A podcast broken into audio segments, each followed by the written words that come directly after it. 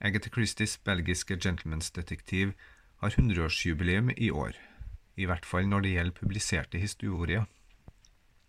Hercule Poirot løste sin første sak i England i 1916 i Styles-mysteriet, så man kan argumentere for at det foredraget jeg skal holde for dere, blir holdt fire år for seint.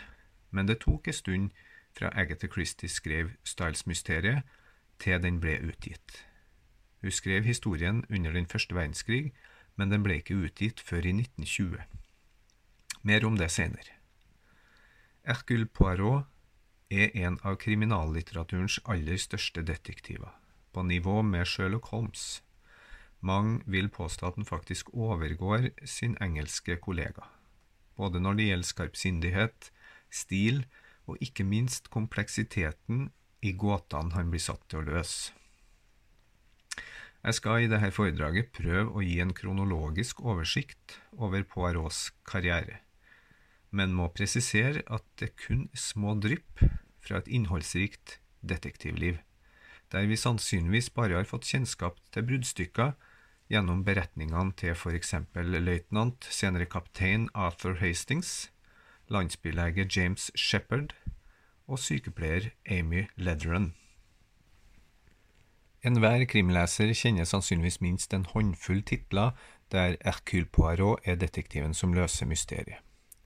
Her er noen av de mest kjente, og Mord på Orientekspressen er kanskje den aller mest kjente, men enda mer skjellsettende i sin tid var antagelig Doktoren mister en pasient.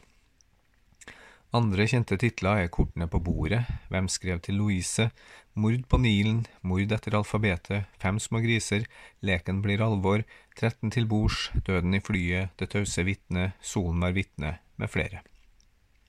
Bare titlene pirrer jo en klassisk krimleser.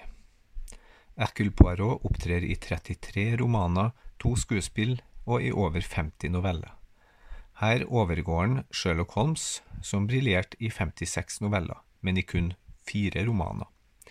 Hercule Poirot utvikla seg gjennom sin karriere fra å være en novelledetektiv til å bli en romandetektiv, og kriminalromanen ble Agatha Christies varemerke. Poirot har løst de fleste tenkelige mysterier på de fleste tenkelige steder i mordgåta med de fleste tenkelige tvister.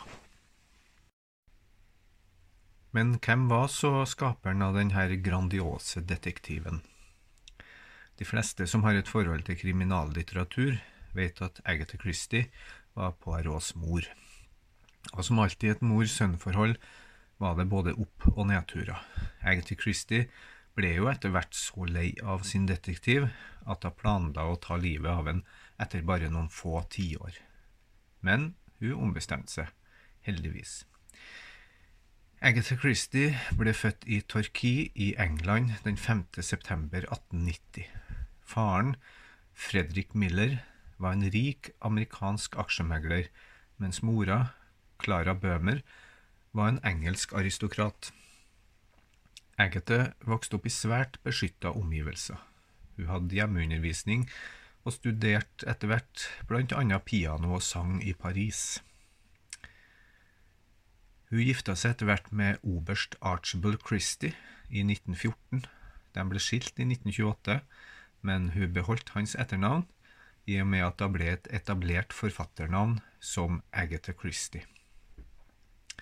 Hun ble gift med arkeologen Max Mallowan i 1930, og var gift med han frem til sin død den 12. januar 1976. Agatha hadde ei datter med oberst Christie, Rosalind Hicks. Agatha ble adla i 1970 og kunne dermed titulere seg som Dame Agatha. Her er Agatha sammen med sine foreldre og sine to søsken. Øverst til venstre sammen med sin mor Clarissa, og til høyre sammen med sin far Fredrik Miller. I midten sammen med sin storebror Louis Miller og nederst til venstre sammen med sin søster Margaret.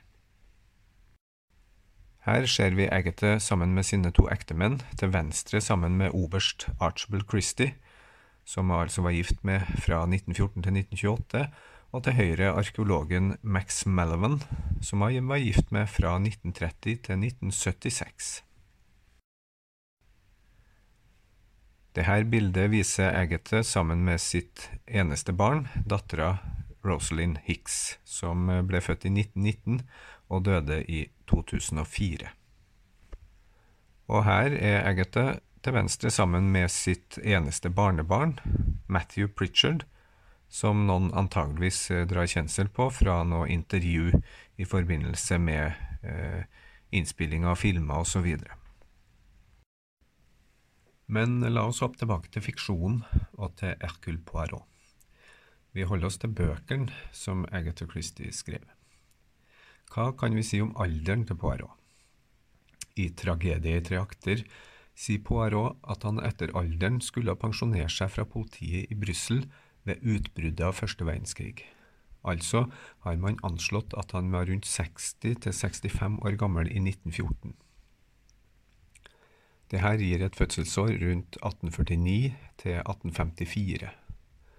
Han beskrives jo også som en eldre mann i Styles-mysteriet, den første Poirot-romanen men han kunne også tenkes å være yngre i 1914, i og med at pensjonsalderen for politiet i Belgia var relativt lav. Derfor har man anslått at han kan ha blitt født så sent som i 1873. Agatha Christie sa langt senere at hun hadde gjort en stor tabbe da hun skapte Poirot så gammel som hun gjorde. Hun hadde ikke drømt om at hun skulle skrive om en ennå 50 år senere. Hva så med Poirots fødested? Flere steder er foreslått. Agatha Christie nevner ikke fødestedet eksplisitt. Det er nærliggende å tenke at Poirot ble født i Brussel, byen hvor han tjenestegjorde som politisjef. Andre forslag er byen Spa, nær den tyske grensa. I romanen De fire store nevner en minner fra barndommen og ungdommen i Spa. Dette er av mange tolka som et hint om at dette er Poirots hjemby. Det faktum at Poirot var aktiv i motstandskampen mot tyskerne før han måtte flykte til England, taler også for at han bodde ved den tyske grensa. Hva vet vi om Poirots familie? Agatha Christie nevner ikke mye om Poirots familie, annet enn at han hadde en stor familie som hadde trangt.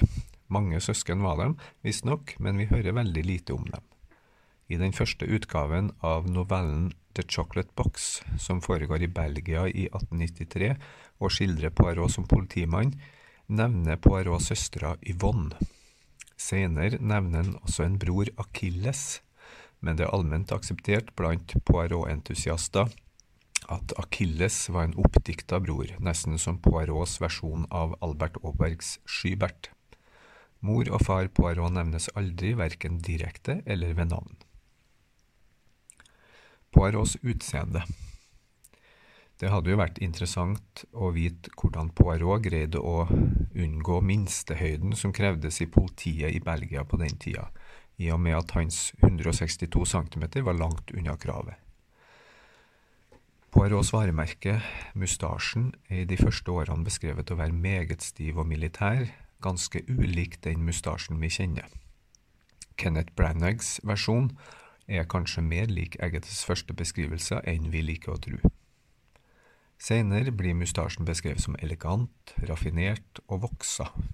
En utvikling der, altså. Poirot har mørkt, svart hår som en senere farge. De grønne øynene hans funkler som katteøyne når han nærmer seg løsningen på en sak. Her ser vi mange av Poirots ansikter på film. Øverst til venstre John Malkovich i Mord etter alfabetet fra 2018. Videre ser vi Tony Randall i Mord etter alfabetet fra 1965. Ian Holm i Murder by the Book fra 1986. Og Alfred Molina i Mord på Renteekspressen fra 2001. Nederst til venstre ser vi Albert Finney i Mord på Renteekspressen fra 1974. Videre Peter Ustinov, som spilte Poirot i seks filmer. Mord på Nilen i 1978. Solen var vitne i 1982. 13 til bords i 1985. Leken blir alvor i 1986, Tragedie i tre akter i 1986 og Stevnemøte med døden i 1988. En liten kuriositet. David Suchet, som vi ser til høyre for Østinov, spilte inspektør Jepp i 13 til bords fra 1985. Suchet sa senere at det sannsynligvis var den verste rollen han har spilt i sin karriere. Og så kommer vi altså til den som mange mener er den ultimate Poirot, David Suchet, som har spilt i nesten alle Poirot-historiene i perioden 1989 til 2013. Og så til slutt Kenneth Branagh i Mord på Orientekspressen fra 2017, 2017 med sin enorme mustasje, til stor forbitrelse for mange Poirot-entusiaster.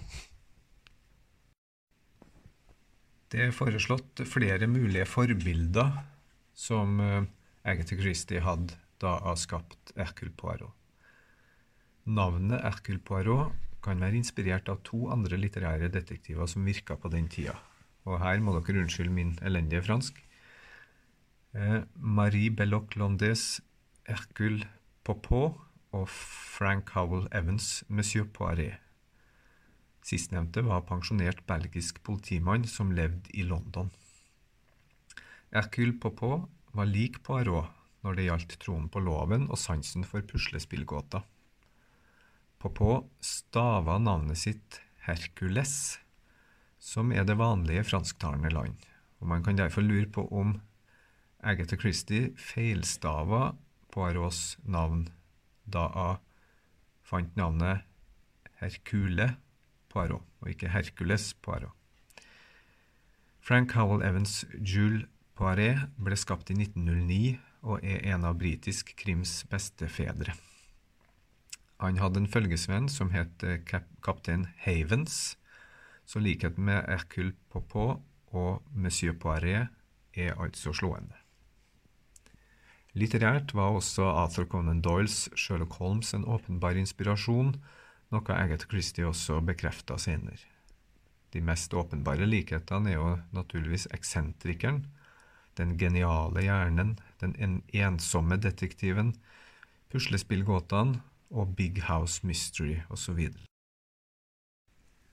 Poirot har også mange likheter med AEW Masons fiktive karakter inspektør Hanot, som var politimann ved Sureté i Paris. Hercule Poirot er altså en representant for den cerebrale detektiv, den tenkende detektiv, som bruker sine små grå, my little caisels, som han sier. Agatha Christie kom på dette uttrykket i prosessen med å skape Poirot, noterte seg og gjorde det etter hvert til et Poirot-uttrykk. Det er gåter som fascinerer Poirot, hvordan alle spor og ledetråder er brikker i et puslespill. Når alle brikker er på plass, ser vi løsningen. Poirot ble skapt i gullalderperioden i britisk krim, The Golden Age. Mange definerer begynnelsen på denne perioden nettopp ved skapelsen av Poirot.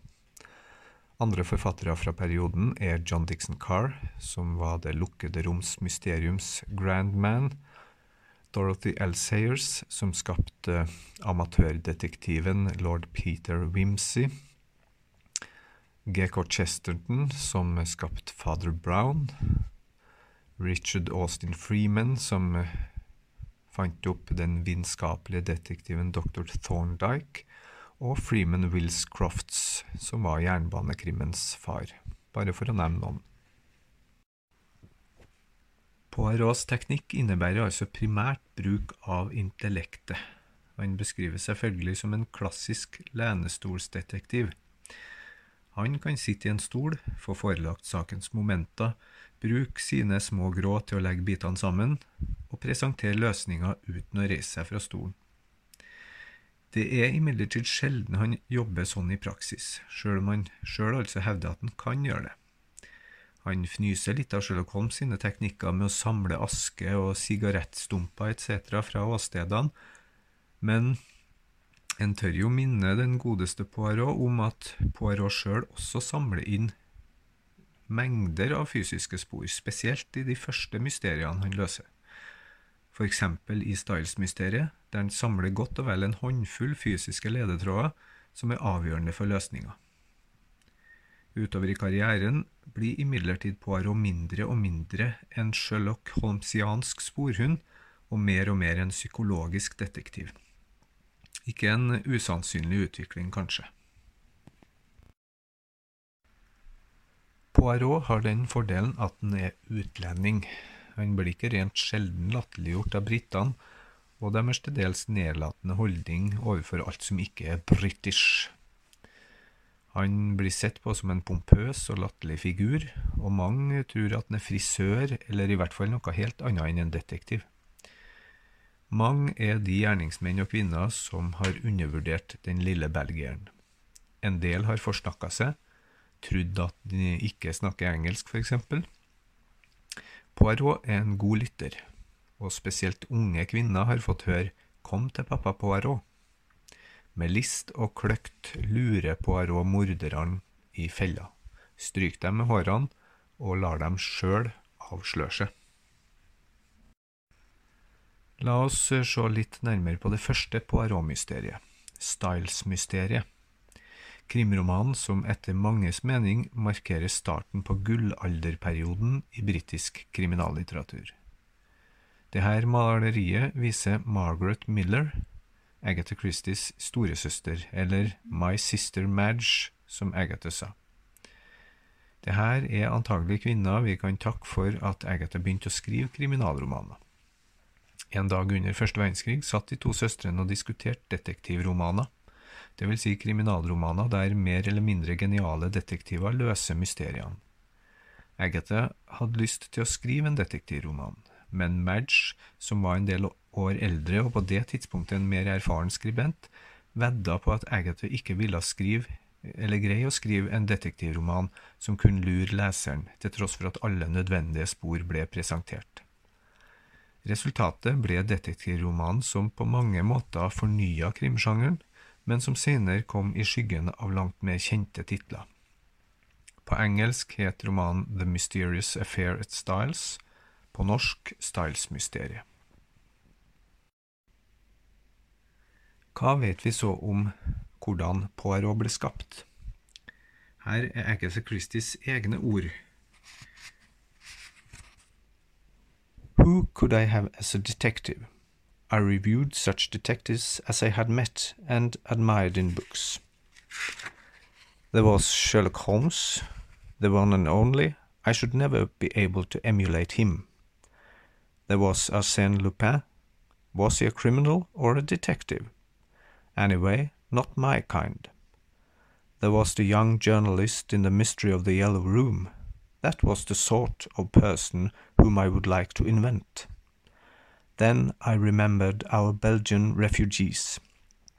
We had quite a colony of refugees living in the parish of Tor. Why not make my detective a Belgian? I thought. There were all types of refugees. How about a refugee police officer?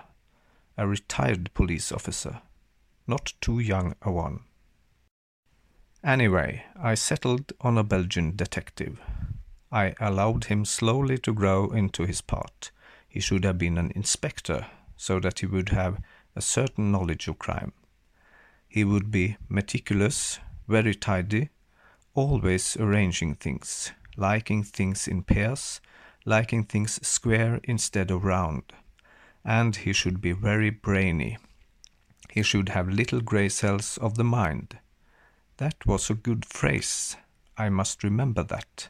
Yes, he would have little grey cells. Min reise til Styles Folks intense interesse for Styles-saken er nå til en viss grad kjølnet, men i betraktning av oppmerksomheten som saken vakte verden over, har både min venn Poirot og familien Cavendish bedt meg skrive ned hele historien. Vi håper og tror at denne min redegjørelse vil sette en virksom stopper for de sensasjonelle ryktene som ennå er i omløp. Det her er løytnant Hastings sine første setninger i Styles-mysteriet. Hastings ble jo Poirots store kronikør, på samme måte som doktor Watson var Sherlock Holmes' kronikør, og spesielt mange av Poirots tidlige saker gjenfortelles av Hastings. Styles-mysteriet utkom i England og USA i 1920. Første utgave i Norge kom i 1924, og de to omslagstegningene du ser på bildet, er førsteutgavene i England til venstre og den norske førsteutgaven fra 1924 til høyre. Litt om handlinga i Styles-mysteriet. Rike enkefru Emily Cavendish har gifta seg med en 20 år yngre lykkejeger og blitt fru Inglethorpe. To stesønner, ei fosterdatter, en svigerdatter og et faktotum, det vil si fru Emilys selskapsdame, er ikke spesielt happy for det som har skjedd. Etter kort tid dør fru Emily en pinefull død på godset. Alle vender naturligvis blikket mot herr Inglethorpe. Poirot, som er belgisk flyktning og innlosjert i landsbyen Styles St. Mary og tatt under vingene av fru Emily, møter Hastings i landsbyen like før mordet. Hastings er god venn av Emilys stesønn John Cavendish. Hastings henter Poirot opp til godset, og et av kriminallitteraturens største eventyr er i gang. Et snedig giftmord er en av ingrediensene i Styles-mysteriet, inspirert av tida Agatha Christie tilbrakt ved et sykehus under første verdenskrig. Her fikk hun god kjennskap til både uskyldige og farlige medikamenter, og her fikk hun nok ideen til den kløktige mordmetoden som er i bruk i Styles-mysteriet. En liten kuriositet. Styles-mysteriet avsluttes med en scene fra en salong der Poirot presenterer løsninga på mysteriet. I den opprinnelige versjonen foregikk fremlegget av løsning i rettssalen, men scenen ble flytta til salongen etter krav fra forlaget som antok romanen. Verdt å nevne er også at Styles-mysteriet ble refusert flere ganger før den ble antatt ved sjette forsøk. I Styles-mysteriet blir vi først og fremst kjent med sporhunden Poirot, som samler spor og ledetråder og legger puslespillbitene sammen på riktig måte. Agatha Christie er tydelig inspirert av Sherlock Holmes. Senere har Poirot en tydelig utvikling fra å være en rendyrka sporsamler til å bli en menneskekjenner på høyt nivå med fokus på psykologi. Styles-mysteriet er en klassisk og i så måte forbilledlig detektivroman, prototypen på en såkalt who done it, hvem gjorde det? I Styles-mysteriet får leseren tilgang til en planskisse over Styles Court, håndskrevne brev og mer. Alt for at leseren skal få se viktige indisier og ledetråder. På bildet ser du andre etasje på Styles Court, der mordmysteriet utspiller seg. Til høyre er Poirot Hastings, som samler inn spor på åstedet, fru Emilys soverom. Litt om Arthur Hastings. Født 1886, jobba på Lloyds før krigen. Løytnant i hæren, senere kaptein. Skada under slaget ved Somme. Hastings gjenforteller en del av Poirots saker, men slett ikke alle, og Agatha Christie bruker Hastings mindre og mindre med årene. Han er forteller i åtte av de 33 Poirot-romanene, hvorav kun én, Teppefaller, foregår etter andre verdenskrig, men den ble skrevet under krigen. Hastings er forteller i de fleste novellene. En kuriositet Agatha Christie og hennes første ektemann, oberst Christie, kalte senere sitt eget hus for Styles, nettopp etter romanen Styles-mysteriet. Historiene om Poirot kan leses i den rekkefølgen de er publisert i, i kronologisk rekkefølge eller i tilfeldig rekkefølge. Det finnes bøker om Poirot og lister på nettet som redegjør for hvordan historiene bør leses i kronologisk rekkefølge. Og er man systematiker, er det nok å foretrekke å lese dem i kronologisk rekkefølge.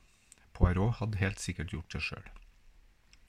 Eksempelet som best viser diskrepansen, er novellen The Chocolate Box, en historie fra Poirot sin tid i det belgiske politiet, nærmere bestemt året 1893. Poirot gjenforteller denne historien til Hastings mange år senere, og det er Hastings sin nedtegnelse av Poirots sin gjenfortelling vi får lese. Denne historien skiller seg altså ut, idet den skildrer en sak Poirot var involvert i mens han var i det belgiske politiet. Det er også romantikk involvert, som bildet til venstre er et uttrykk for. Dette er altså et unikt innblikk i den pre-engelske karrieren til Poirot. Og det er den eneste gangen Hercule Poirot mislykkes. Han gjør en stor tabbe i oppklaringa av denne saken, som nok setter sitt preg på hans fremtidige teknikk. Jeg vil nå gi et kronologisk innblikk i Poirot sin karriere. Poirot bor altså i Styles St. Mary som belgisk flyktning når vi blir kjent med han. Under verdenskrigen løser han et par-tre mysterier som Hastings nedtegner i novelleform. Etter hvert slår Poirot seg ned i London og åpner et detektivbyrå. Poirot Hastings bosetter seg i Faraway Street nummer 14, der de leier husrom av landlady Mrs. Pearson.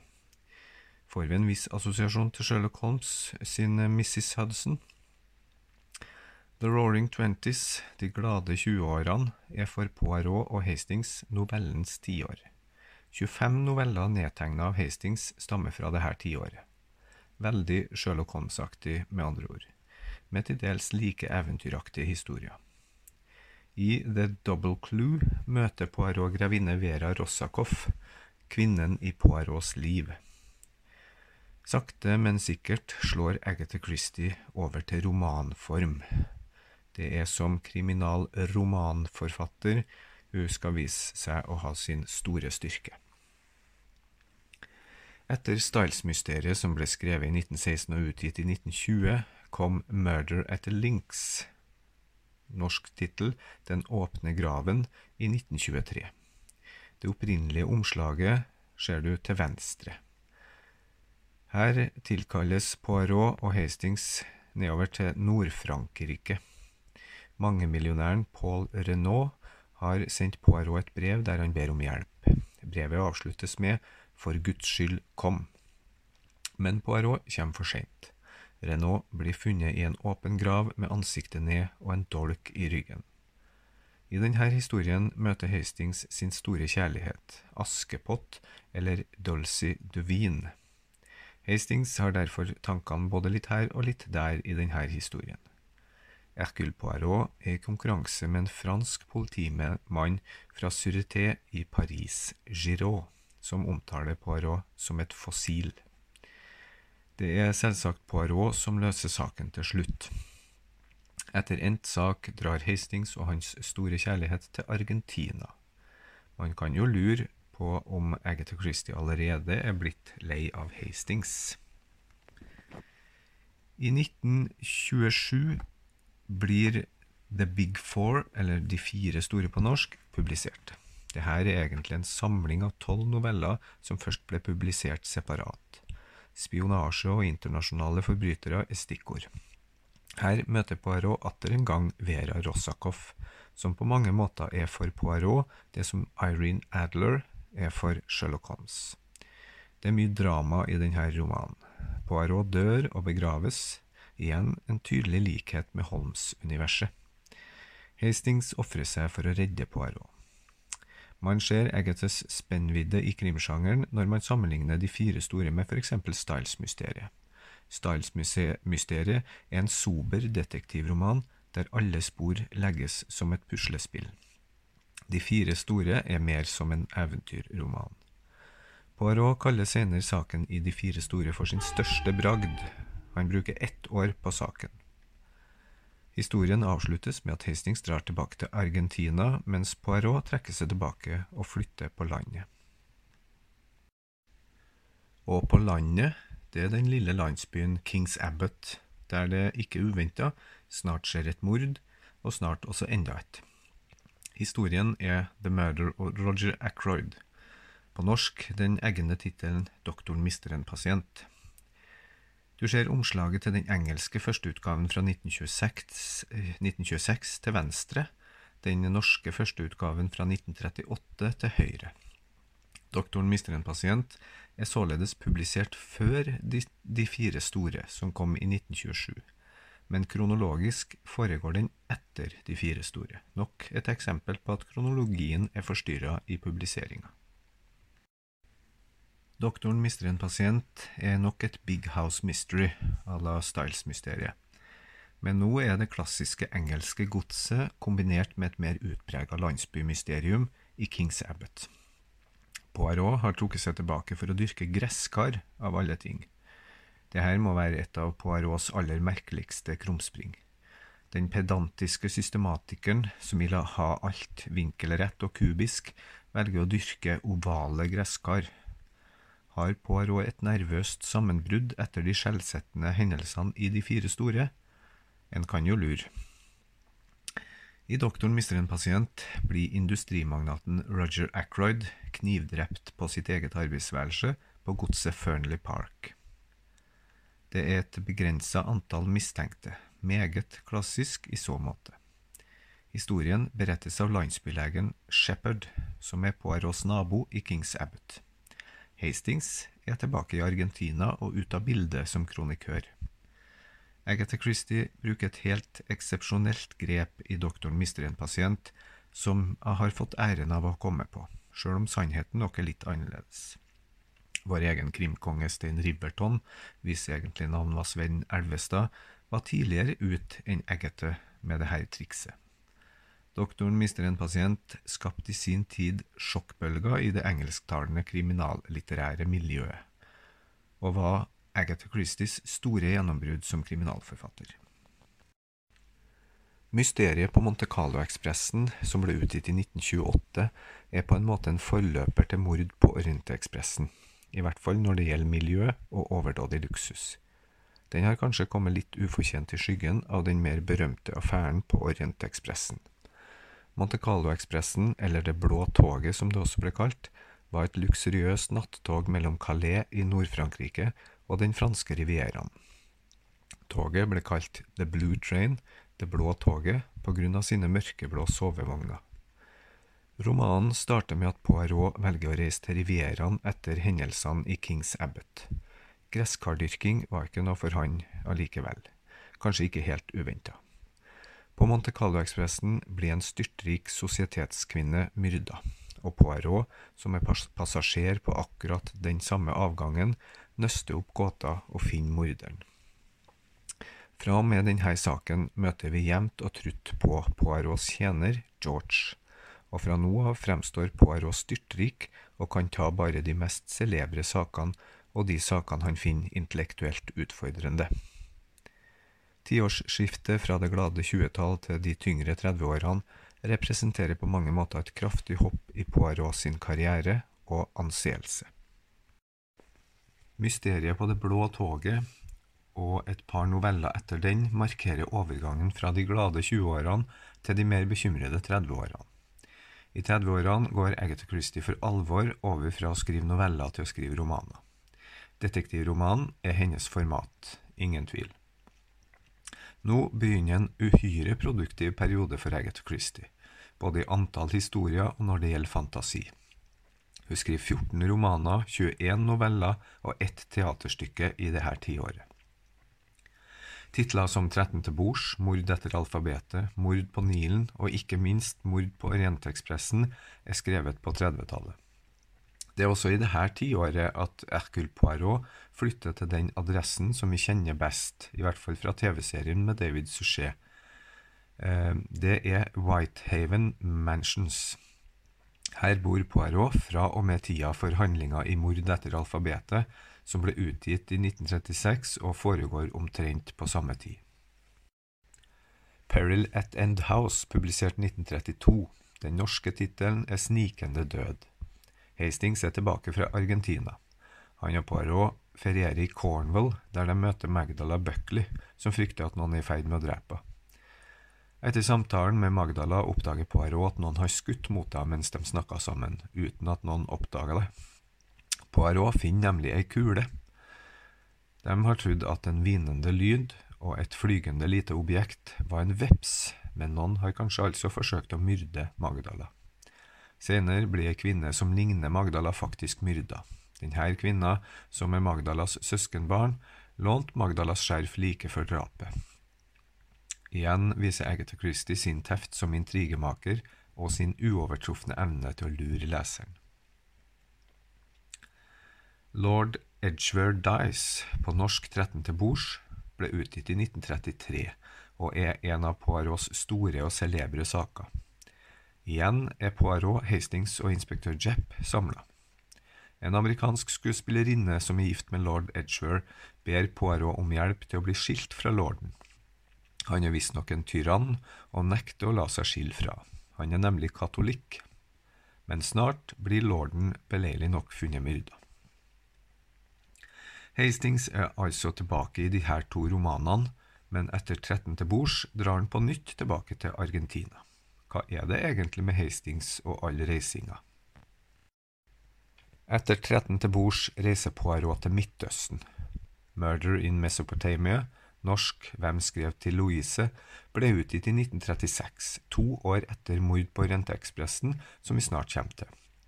Men kronologisk sett foregår den før hendelsene på Orientekspressen. Poirot er beleilig nok i nærheten når hustrua til en arkeolog blir myrda nær et utgravningsfelt i Irak. Den døde, Louise Leidner, har mottatt brev fra sin antatt avdøde eksmann. Leven forfølger henne og dreper Poirot innlosjeres i boligkvarteret på utgravningsfeltet og tar fatt på saken. Et klassisk lukka rom-mysterium, det her, i litt mer eksotiske omgivelser enn det vanlige engelske godset. Arkeologien har hatt stor virkning på Poirot sine bedrifter, noe som nok gjenspeiler Agathas fascinasjon for arkeologi. Hun ble jo etter hvert gift med en arkeolog, Max Mallowan, og hun reiste ofte sammen med sin mann til utgravningsfeltene. Arkeologi og elementer fra det gamle Midtøsten har satt sitt tydelige preg på titler som Det egyptiske gravkammeret, Hvem skrev til Louise, Mord på Renteekspressen, Mord på Nilen, Stevnemøte med døden og Den den nemeiske løve. Og hvordan trives så Hercule Poirot i ørkensanda? Hva tenker han om å bli dratt nedover fra London med sine brosteinlagte gater til Midtøsten? Nei, Poirot trives nok best i mer trauste London, men Poirot trosser den manglende komforten, den uutholdeligheten og myggen. For mange av hans mest interessante saker foregår i Midtøsten og i Afrika. Han trives nok eh, bedre på et luksustog, for eksempel, som eh, på Orientekspressen. Mord på Orientekspressen, som ble publisert i 1934, men som kronologisk kommer etter en del av de romanene som ble publisert i 1935 og 1936, er en av Agatha Christies aller mest kjente romaner, kanskje sammen med Ti små negerunger, som nå er døpt om til Og så var det ingen. Her kan vi ikke unngå å komme innom den legendariske og svært påkosta filmatiseringa fra 1974 med Albert Finney som Poirot og resten av rollene, rollene fylt med noen av de mest kjente skuespillerne på den tida. Bildet er en scene fra denne innspillinga. Det her er altså Poirot på 70- og 80-tallet, som David Suchet sin Poirot er Poirot fra 1990 og frem til i dag. En vinterdag forlater Orientekspressen Istanbul fullstappa med celebre passasjerer. Om bord er en oberst, en fyrstinne, en greve og en grevinne, en rik amerikanerinne, en amerikansk forretningsmann og mange flere. Toget stoppes av et snøskred, og i løpet av natta blir en av passasjerene myrda. Og en av de andre passasjerene må stå bak. Det som virker som en klassisk whodunit, får en helt spesiell avslutning, som på samme måte som doktoren mister en pasient, overrasker leseren stort. Agatha viser igjen sin mesterlige evne til å skape plott. Agatha fortalte senere at det her var hennes favoritthistorie om Poirot. Bare hør her.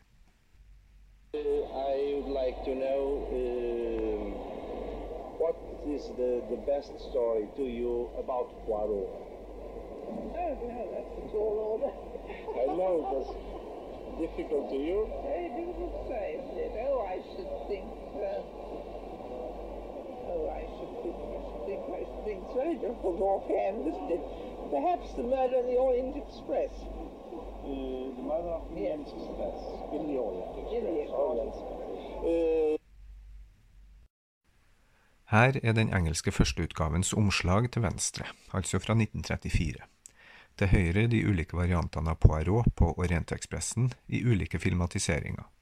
Fra venstre Albert Finney fra 1974, Kenneth Branagh fra 2017, David Suchet fra 2010 og Alfred Molina fra 2001. Her kan man jo velge sin egen favoritt, men 95% av dagens Poirot-entusiaster vil nok holde en knapp på David Suchets versjon. Den mest elegante og forfina, og den som er mest tro mot Agatha Christies egne beskrivelser. Tragedie i tre akter ble publisert i årsskiftet 1934-35. Her samarbeider Poirot med den litt pussige Mr. Satterthwaite, en observatør av livet, som løser mysterier i en del noveller. Dette er den eneste gangen Poirot og Satterthwaite samarbeider. Sir Charles Cartwright inviterer et stort middagsselskap hjem i sitt hus i Cornwall. Presten Babington dør under merkelige omstendigheter under middagen. Det viser seg å være mord, men hvorfor skulle noen ta livet av en hyggelig prest som ikke har gjort noen fortred? Et nytt dødsfall en tid senere setter Poirot for alvor på sporet. Et av de pussigste og kanskje mest kaldblodige motivene hos Agatha Christie finner vi hos morderen i denne romanen. Døden i flyet ble utgitt i 1935. Poirot er på vei tilbake til London etter et besøk i Paris. Han er svært utilpass i en liten flykropp mange tusen fot over bakken. Båt og fly går dårlig sammen med Poirots tandre mage. En veps skaper støy under nedstigninga til Croydon lufthavn. Kort før landing finner de pengeutlåneren Madame Giselle død bakerst i flyet. Er hun død etter et vepsestikk? En allergisk reaksjon, kanskje? Poirot finner en liten pil og får mistanke om at madame Giselle er myrda. I 1935 kommer Hastings atter hjem fra Argentina. Hercule Poirot har flytta til Whitehaven Mansions. I mord etter alfabetet må Poirot bryne seg på en seriemorder som tar livet av ofrene etter en sirlig alfabetisk orden. Først en person med navn som begynner på A i en by som også begynner på A, Deretter det samme for en person med etternavn som begynner på B, og en by som begynner på B. Og så det samme for C og D, osv. Her spiller morderen en katt og mus-leik med Poirot, og Poirot må virkelig kjempe en kamp mot klokka i denne romanen. Poirot får også hånende brev fra morderen. Flinke Poirot, se om du greier å løse denne gåten. Hva kan motivet være? Er det rett og slett en gal person som står bak, eller er det noe annet? Agatha Christie bruker en uvanlig teknikk i mord etter alfabetet. Hun bruker både første og tredje persons fortellerteknikk ved at Hastings forteller hovedhistorien, mens noen scener fortelles i tredje person. Her er Poirot sånn som han fremstilles i tre forskjellige filmatiseringer av mord etter alfabetet. Til venstre Tony Randall i 1965, det er han med barten. Og så er det David Suchet i 1992 i midten, og John Malkowicz i 2018 til høyre. Dumb Witness, Det tause vitne på norsk, utkom i 1937, og historien blir fortalt av Hastings. Dette er den siste Poirot-romanen Hastings gjenforteller, dersom en ser bort fra Teppefaller, som utkom i 1975. Emily Arendal, en eldre dame, kontakter Poirot. Poirot hadde jo en spesiell omsorg for damer, og da gjerne eldre damer. Emily har en mistanke om at hun er utsatt for et mordforsøk etter å ha falt i trappa. Alle andre i familien tror hun snubla i hunden Bob sin ball, som lå i trappa.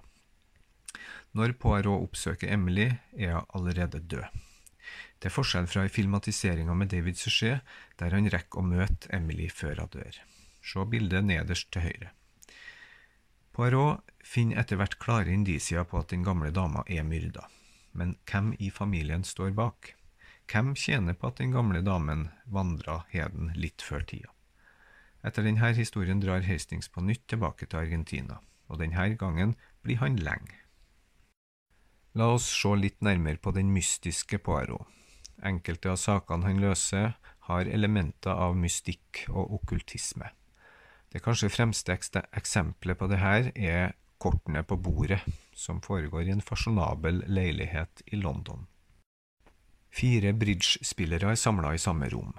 Verten, den mystiske mefistofeliske herr Shaitana, sitter ved peisen. Han er ikke med i spillet, liker ikke bridge.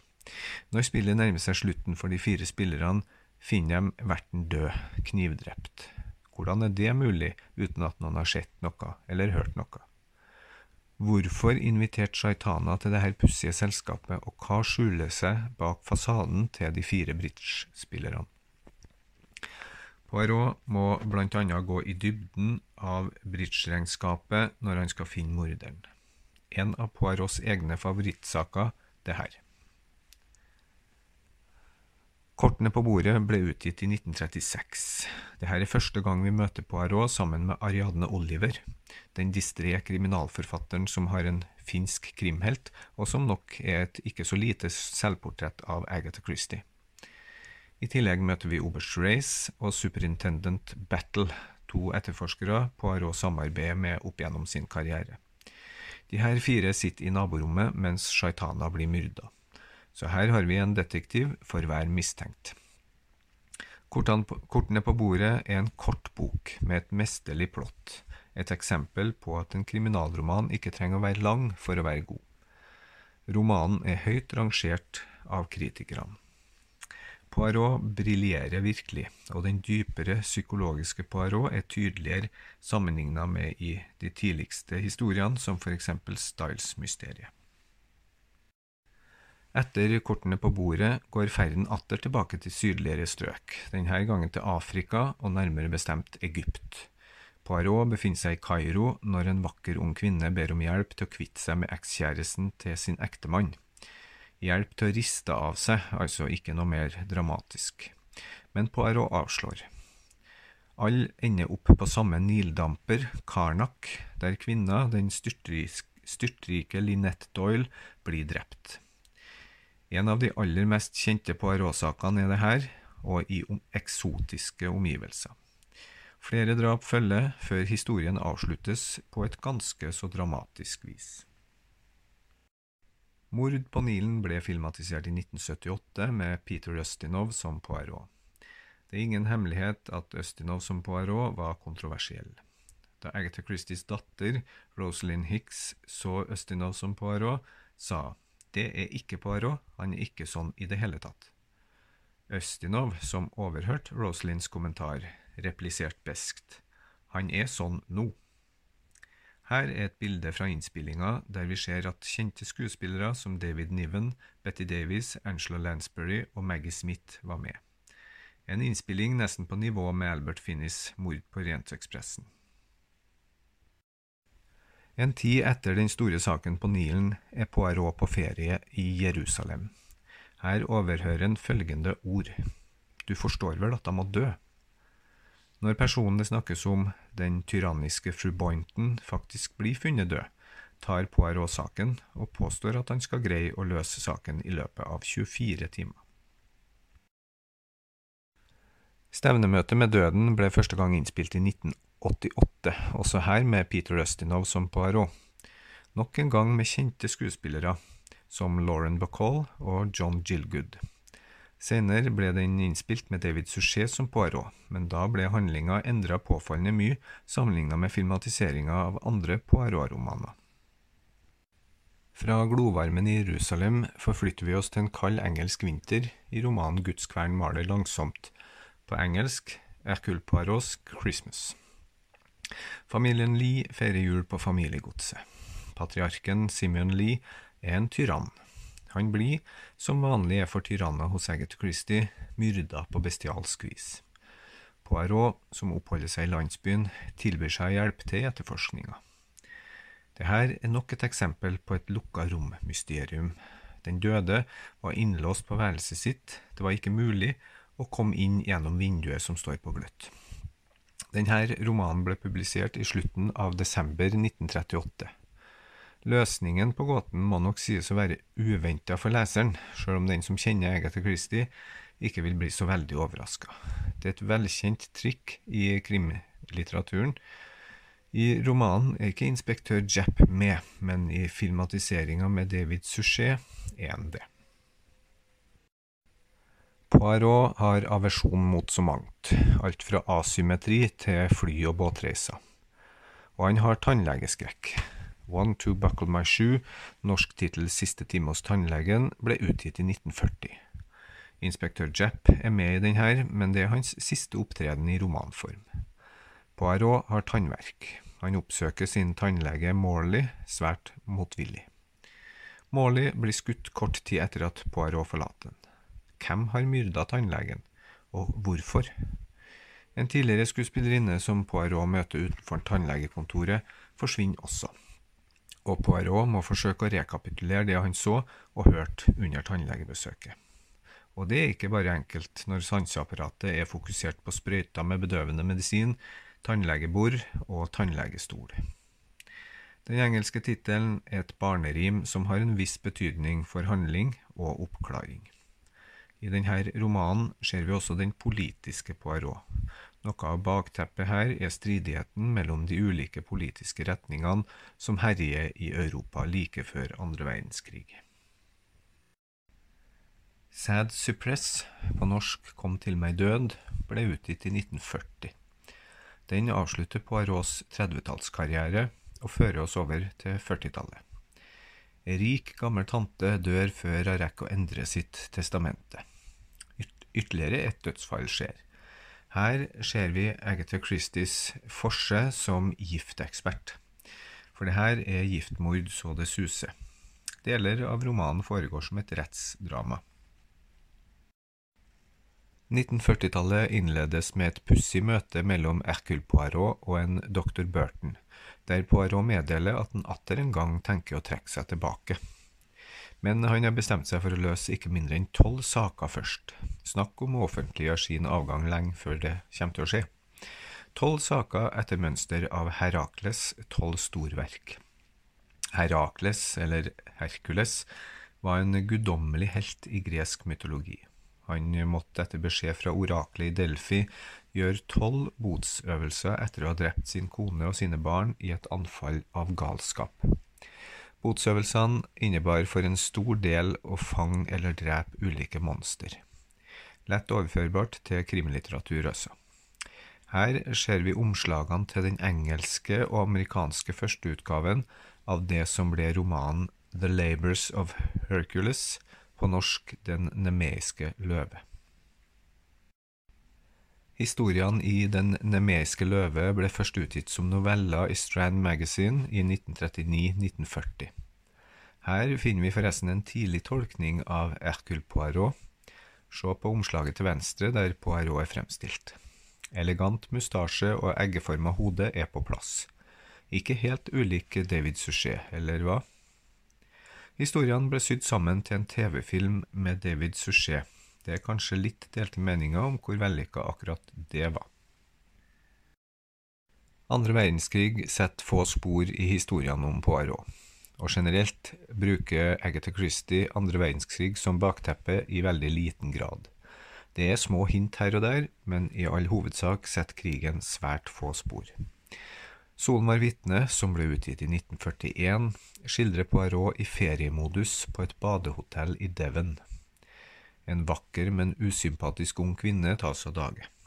Morderen er en av gjestene eller en av de ansatte. Romanen ble filmatisert i 1982 med Peter Ustinov som Poirot. Vi ser Peter Ustinov til høyre. Fem små griser, hvis tittel er basert på et barnerim, tar utgangspunkt i et mord begått 16 år tidligere. En ung dame kontakter Poirot. Hvem var det egentlig som drepte faren hennes, maleren Amy Scrail?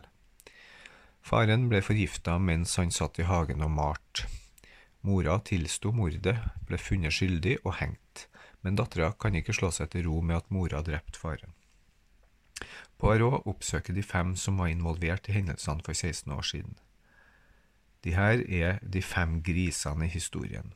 De dramatiske dagene for 16 år siden gjenfortelles av de fem vitnene. Vi får altså fem versjoner av den samme hendelsen. Det her er interessant psykologisk. Hva husker mennesker etter 16 år? Hva har de glemt? Hva tror de at de husker? Og hva dikter de opp?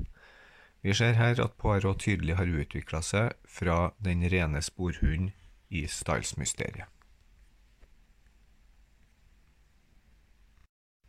La oss se på Poirot etter den andre verdenskrig.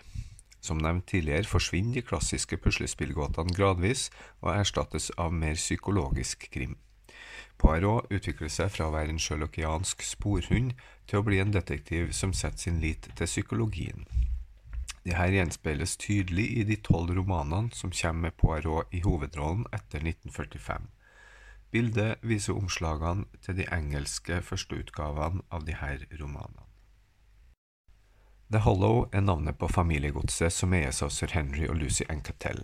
Poirot, som for tida bor i en cottage i nærheten av The Hollow, inviteres til Ancatellene. Når han kommer, ser han et lik ved svømmebassenget. Blod drypper ned i vannet. Ved liket står en kvinne med en rykende revolver i hånda. Poirot tror først det dreier seg om en mordlek, men det viser seg å være et ekte mord. Romanen ble utgitt i 1946 og heter på norsk Lunsj for Poirot. Taken At A Flood, som på norsk heter Mannen fra Cape Town, ble utgitt i 1948. Handlinga spinner rundt familien Clode, hvis lykke og trygghet for en stor del hviler på storebror Gordons penger. Gordon gifter seg med en ung irsk enke. Giftermålet kansellerer hans gamle testamente. Gordon dør i et bombeangrep, og den irske enka arver alt. Romanen har et komplekst plott og er kanskje en underkjent Poirot-historie. Fru McGinty er død fra 1952 foregår i en engelsk landsby. Et mord er begått på en eldre kvinne. En ung mann er funnet skyldig, men politimannen som har etterforska mordet, føler seg ikke sikker på at riktig person er arrestert, og ønsker en uavhengig vurdering. Han kontakter derfor Poirot, og saken er naturligvis ikke så enkel som først antatt. Neste Poirot-roman, etter begravelsen fra 1953, sparkes i gang ved at familiens sorte får og den døde Richard Abernettis søster utbryter i minnesamværet. Men han ble da myrda, ble han ikke? Ingen tar den middelaldrende, litt dotty kvinnen på alvor, men dagen etter blir hun funnet myrda, hakka i hjel. Poirot settes på saken. La oss ta et lite avbrekk fra Poirot-romanene på 50- og 60-tallet for å høre et intervju med Agatha Christie. Intervjuet ble gjort i 1955. Bildet viser hvordan Agatha så ut på denne tida. Vi lar Agatha fortelle litt om hvordan skrive, skrivekarrieren starta, om hvordan hun skrev og plotta sine romaner, etc. People often ask me what made me take up writing. Many of them, I fancy, wonder whether to take my answer seriously, although it's a strictly truthful one. You see, I put it all down to the fact that I never had any education. Perhaps I'd better qualify that by admitting I did eventually go to school in Paris when I was 16, or thereabouts. But until then, apart from being taught a little arithmetic, I'd had no lessons to speak of at all. Although I was gloriously idle, in those days, children had to do a good many things for themselves. They made their own dolls' furniture, and they made Christmas presents to give to their friends. Nowadays, they're just given money and told to buy their presents in a big store. But I found myself making up stories and acting the different parts, and there's nothing like boredom to make you write. So by the time I was 16 or 17, I'd written quite a number of short stories and one long, dreary novel. By the time I was 21, I'd finished the first book of mine ever to be published, The Mysterious Affair at Styles. I'd sent it to one or two publishers who didn't want it, and eventually it went to John Lane. About a year later, I heard it had been accepted. Well, that's how it began, and since that time, I've written something like uh, 55 books and half a dozen plays. I do find that one's friends are curious about the way one works. What is your method, they want to know. Well, the disappointing truth is that I haven't much method. I type my own drafts on an ancient, faithful machine I've owned for years, and I find a dictaphone useful for short stories or for recasting an act of a play, not for the more complicated business of working out a novel. No, I think the real work is done in thinking out the development of your story and worrying about it until it comes right. That may take quite a while. Then when you've got all your materials together, as it were, all that remains is to try to find time to write the thing. Three months seems to me quite a reasonable time to complete a book, if one can get right down to it. On the other hand, plays, I think, are better written quickly. And of course, writing plays is much more fun than writing books. You haven't got to bother about long descriptions of places and people, or about deciding how to space out your material. And you must write pretty fast, keep in the mood, and to keep the talk flowing naturally. I prefer to write a play as a play, that is, rather than to adapt a book. The only reason I ever did that was because I didn't care very much for what happened when other people tried to turn my books into plays. So, in the end, I had to do it myself. Et eksklusivt intervju med Agatha der, altså. Vi går tilbake til Poirot-romanene. Huset i Hickory Road, på engelsk Hickory Dickory Dock, foregår i hovedsak på et pensjonat for studenter, tidsmessig i 1953 eller 1954. Igjen er tittelen basert på et barnerim. Poirots sekretær, Miss Lemon, som er en enda større perfeksjonist enn Poirot, gjør tre skrivefeil i ett og samme brev. Dette har aldri skjedd før. Det viser seg at Miss Lemons tanker er et helt annet sted. Søstera hennes, som driver et pensjonat, er fortvila over merkelige hendelser ved pensjonatet. Ting stjeles, ryggsekker skjæres opp, lyspærer skrus ut. En av pensjonatets studiner vedgår å ha stjålet noe, men slett ikke alt. Neste dag blir denne studina myrda. To flere mord skjer før Poirot greier å løse gåta. Dette er en av romanene man kanskje bør lese flere ganger, for den blir mye bedre ved andre gjennomlesning. Litt kort om de neste romanene. Leken blir alvor, Dead Man's Folly fra 1956, er bokstavelig talt leken som blir til alvor, eller mer presist mordleken. Ariadne Oliver har blitt engasjert for å skrive og arrangere en mordlek i et selskap på Ness House, men leken blir alvor når et lik blir funnet, en ung pike. Poirot må løse saken.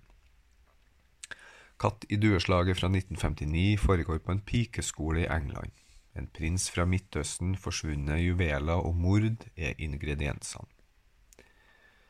Klokkene fra 1963. Et lik blir funnet i en leilighet med svært mange klokker. Dette er en bisarr detalj, typisk for mange Poirot-romaner. Tre mord, et uidentifisert lik, en Secret Service-agent er ingredienser. Historien om Poirot fortsetter utover på 1960-tallet. Forandringa fra sporhunden til den modne psykologen er påtakelig jo nærmere 70-tallet vi kommer. Poirot blir mindre rigid og søker mer innover. Hva kan vi si om kvaliteten på bøkene? Den klassiske krimleseren vil finne sine Poirot-favoritter på 1920- og 1930-tallet, mens den mer psykologisk retta krimleseren vil nok foretrekke de romanene som kom de siste tiårene. La oss eh, se på de tre siste som kom før Poirots aller siste sak, 'Teppefaller', kom ut. Den tredje piken fra 1966 har en tittel basert på prinsippet om fremleie. En leietaker kunne leie videre til en andre, tredje og til og med fjerde person, i dette tilfellet da en pike eller ung dame. Historien åpner med et sårt stikk mot den forfengelige Poirot. En ung kvinne oppsøker Poirot fordi hun tror at hun kan, kunne ha drept noen. Men hun ombestemmer seg fordi hun anser Poirot for å være for gammel til å kunne hjelpe henne. Ariadne Oliver er med i denne historien. Mord, smugling, narkotika og utpressing er ingredienser. Barneselskapet Halloween Party på engelsk kom ut i 1969. Ariadne Oliver deltar i planlegginga av et halloween-selskap i utkanten av London. Vi husker jo at Ariadne også var engasjert eh, i tilsvarende aktivitet i Leken blir alvor. Under forberedelsen eh, plumper en 13-åring, Joyce, ut med at hun en gang var vitne til et mord, uten at hun skjønte hva det var på det tidspunktet. Alle tror at hun tuller, men under selskapet blir Joyce funnet død drukna i ei bøtte med eple og vann. Ariadne Oliver tilkaller Poirot, som i sin tur ber om hjelp fra superintendent Spence, som Poirot hjalp i Kom til meg død. Et nytt mord følger, en au pair forsvinner, en vase knuses, og det skjer nesten enda et mord før Poirot løser gåta. Elefanter glemmer ikke ble utgitt i 1972. Dette er den siste Poirot-historien Agatha Christie skrev. Den siste i kronologien, 'Teppet faller', ble skrevet under andre verdenskrig for det tilfellet at Agatha Christie skulle bli drept under bombinga av London. Spørsmålet fra en ung kvinne i Elefanter glemmer ikke er følgende. Drept mora faren, eller var det faren som drepte mora? Dette spørsmålet får Ariadne Oliver under en middag. Ariadne bestemmer seg for å finne svaret, og sammen med Poirot grava videre i mysteriet. Det gamle mysteriet må løses ved at dem som var til stede den gang, erindrer det som skjedde. Dette er Ariadne Olivers elefanter. Hun mener at mennesket er som elefanten, det glemmer aldri. Ekteparet Ravenscroft ble funnet skutt på ei klippe, men hvem drepte hvem? Dattera deres, kvinna som stilte Ariadne Oliver spørsmålet, skal gifte seg, og den kommende svigermora ønsker å få vite mer om det som skjedde. En temmelig creepy historie, det her, skrevet av en meget oppegående 82 år gammel Agatha Christie. Finalen, kriminalromanen 'Teppet faller', er Poirots siste sak, og hans definitive sorti fra detektivverden. 'Teppet faller' ble utgitt i 1975 men som nevnt tidligere ble den skrevet under andre verdenskrig. Boka var tenkt utgitt etter Agatha Christies død, men pga. suksessen med filmatiseringen av mord på Orientekspressen i 1974 lot hun seg overtale til å utgi den før hun døde. Poirot og Hastings er tilbake på Styles Court, åstedet i den første Poirot-romanen Styles-mysteriet, som nå er omgjort til hotell. Her møter vi også Hastings datter, Judith, Hastings finner fort ut at Poirot ikke er innlosjert kun som gjest. Han er på sporet av en meget utspekulert morder. En morder som har fått ugjerningene til å se ut som en annen persons verk. Morderen får andre til å utføre mord. Det er noe veldig vemodig over teppefaller. Ikke så rart, naturligvis. Et fantastisk eventyr er over for kanskje den aller største av detektivlitteraturens stjerner. Poirot var høyt skatta på det tidspunktet hans karriere tok slutt. Det er verdt å nevne at Hercule Poirot er den eneste fiktive detektiv noensinne som har fått en egen nekrolog i New York Times. Her ser vi forresten en svært tidlig tolkning av Poirot. Bildet i nekrologen er nemlig malt av den britiske maleren W. Smithson Broadhead til Sketch Magazine i 1923. Denne tolkninga er tro mot Agatha Christies beskrivelser, og samtidig også påfallende lik David Suchets Poirot. Hercule Poirot er elska av svært mange krimlesere verden over. Det leses, lyttes til og ses Poirot-mysterier i hver minste avkrok hver eneste dag. Nyinnspillinger av Poirots bedrifter kommer med jevne mellomrom, noen gode, noen mindre gode. Nye generasjoner oppdager den skarpsindige belgieren og det han har utført, og universet rundt den. Jeg håper dette foredraget har gitt et innblikk i hvem Poirot var, men som sagt, det her er bare små drypp. For den som ønsker å gå mer i dybden, finnes det flere biografier som er lesverdig. Men vil du virkelig, virkelig bli kjent med Poirot, ja, da må du lese Poirot-historiene, alle som én. Alt som Agatha Christie har skrevet om den. Jeg anbefaler å lese dem kronologisk. Har du ikke lest noen av Poirot-historiene før, er det jo bare å begynne. Har du lest dem før, er det vel verdt å lese dem på nytt, kronologisk. God fornøyelse. Da vil jeg få takke for følget. Jeg avslutter på samme måte som Poirot ville ha gjort hvis han hadde tatt farvel med det. Au revoir, mon ami.